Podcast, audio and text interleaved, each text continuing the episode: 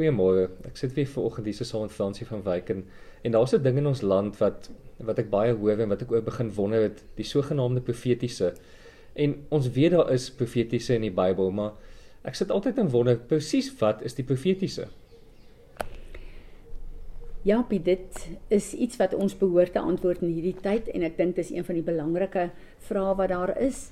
As ons kyk na 'n uh, profesie en jy gaan kyk na die verklarende woordeboek, dan beteken dit to speak with divine inspiration. En dit beteken ook om 'n 'n 'n intercessor te wees, 'n mediator te wees tussen God en mense. So dit is basies waaroor dit gaan. Maar as ons kyk na die Nuwe Testament, wat verstaan ons met die profetiese? Nou Nuwe Testament, die kerk van Jesus Christus, hy is die hoof. So ons begin dan by Jesus self. Wat uh verduidelik die woord vir ons deur Jesus wat is die profetiese? In Openbaring 19 vers 10 en ek lees die amplified. When I fell prostrate at his feet to worship to pay divine honors to him.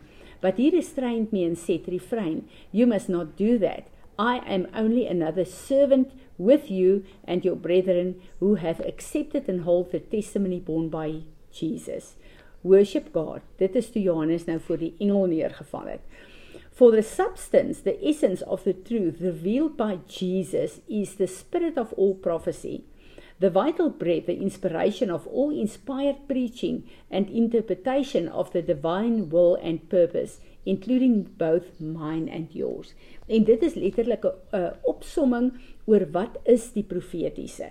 Nou ek sal graag die profetiese wil bring na ons persoonlike lewe toe, want daar's 'n wye veld van van uh, die profetiese waar daar geprofeteer word oor lande, oor stede, oor uh, die wêreld. So ek sal graag die verstaan wil bring na my en jou se per, se persoonlike. Wat beteken profetiese woord vir my en jou en wat is dit?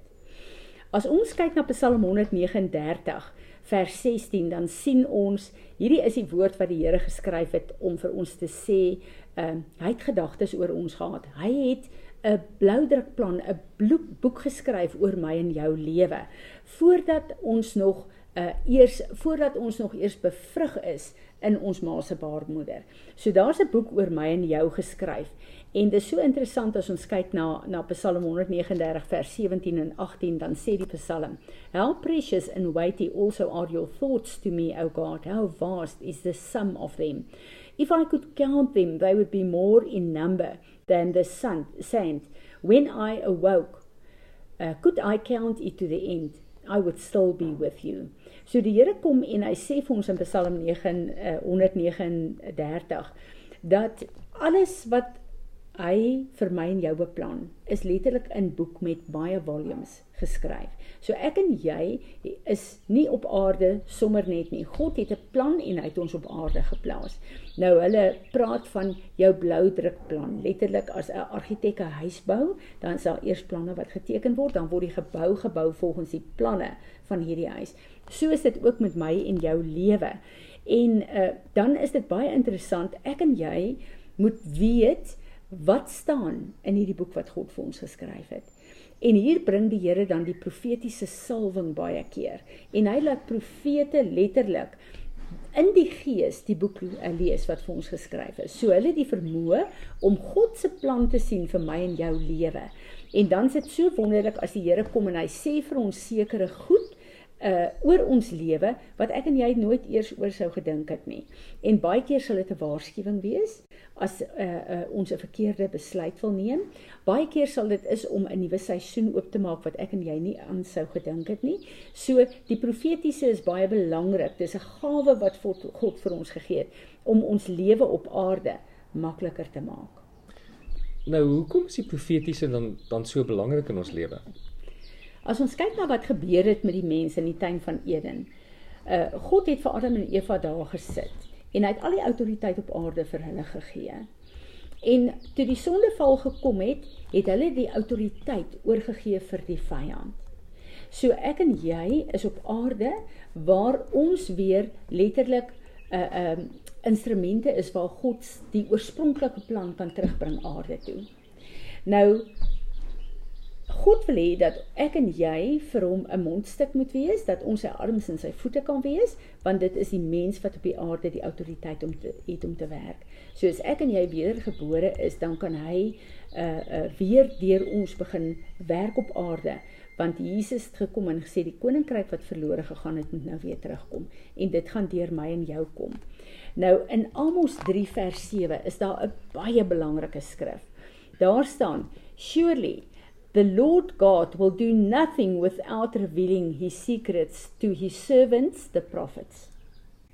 So hierdie woord sê dat die Here gaan niks op aarde doen as dit nie eers uitgespreek word deur sy profete nie. Hoekom staan dit daar? Die Here het deur woorde geskep. So die profete moet weer God se planne uitspreek op aarde sodat God dit in vervulling kan bring. As ons kyk na Jeremia, uh Jeremia as 'n mens op aarde het die autoriteit gehad wat God vir mense op aarde gegee het. In die Ou Testament kan ons sê Jeremia is 'n kind van God. Hy is soos wat ons wedergebore is vandag, was hy 'n leier van God, 'n profeet van God. Nou toe God hom geroep het, Toe hy vir Jeremia gesê, Jeremia, before I formed you in the womb, I knew and approved of you as my chosen instrument. And before you were born, I separated and set you apart, consecrated you, and I appointed you as a prophet to the nations. En dan kom hy en hy sê in Jeremia 1 vers 5 en 10 vir Jeremia. See I have in this day appointed you to the oversight of the nations and the kingdoms of uh, to root out to pull down to destroy and to overthrow to build and to plant so dit is vir my baie interessant as ons hier kyk en ons sien dat die Here vir Jeremia gesê het. Ek het jou geroep as 'n profeet. Wat beteken dit vir jou Jeremia? Dit beteken dat ek gaan uh, deur jou mond gaan ek letterlik uh, ontwortel wat nie van my af is nie. Ek gaan dit wat opgerig is wat nie van my af is nie, gaan jy aftrek om dit te uh, uh, te overthrow sê die Engels en om dit te vernietig.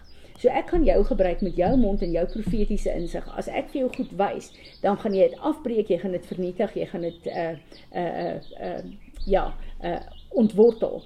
Maar jy gaan ook bou en jy gaan plant met jou woorde. So die Here het gekom en hy het vir Jeremia sekere goed gewys en Jeremia moes dit uitspreek en hy moes dit doen. Dit is die profetiese salwing.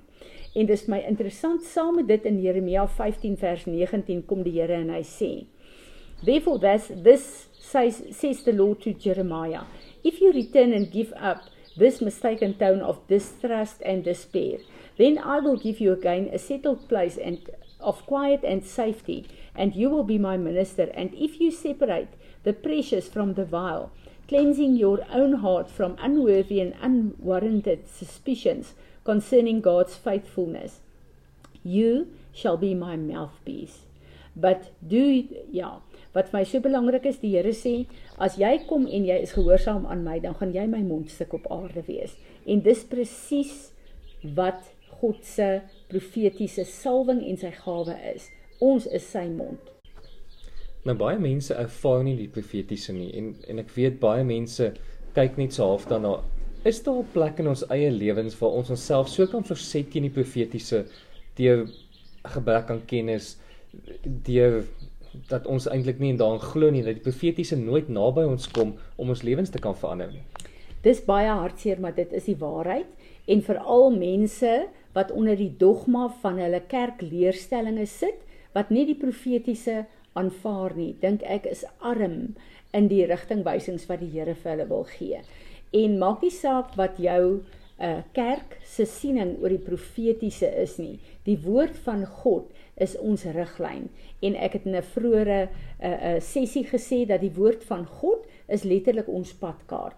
So as die Here sê hierdie is een van die gawes en ons sien dit baie duidelik in Korintiërs, die gawe van eh, van profesie en Paulus kom en hy sê daar ook vir die gemeente in eh, Korinte dat ek sal my begeerte is dat julle almal sal profeteer. Nou as Paulus sê dat dat almal moet profeteer, dan dan besef ons hoe belangrik is dit want wat doen ons as ons profeteer? Ons is vir God daar om sekere goed selfs deur ons gebede uh uh met woorde te skep of met woorde af te breek en te vernietig. So die profetiese gawe is baie belangrik en dis hartseer dat so min kinders van die Here geleer word wat die betekenis daarvan is en hoe belangrik dit vir ons is vandag in 2020.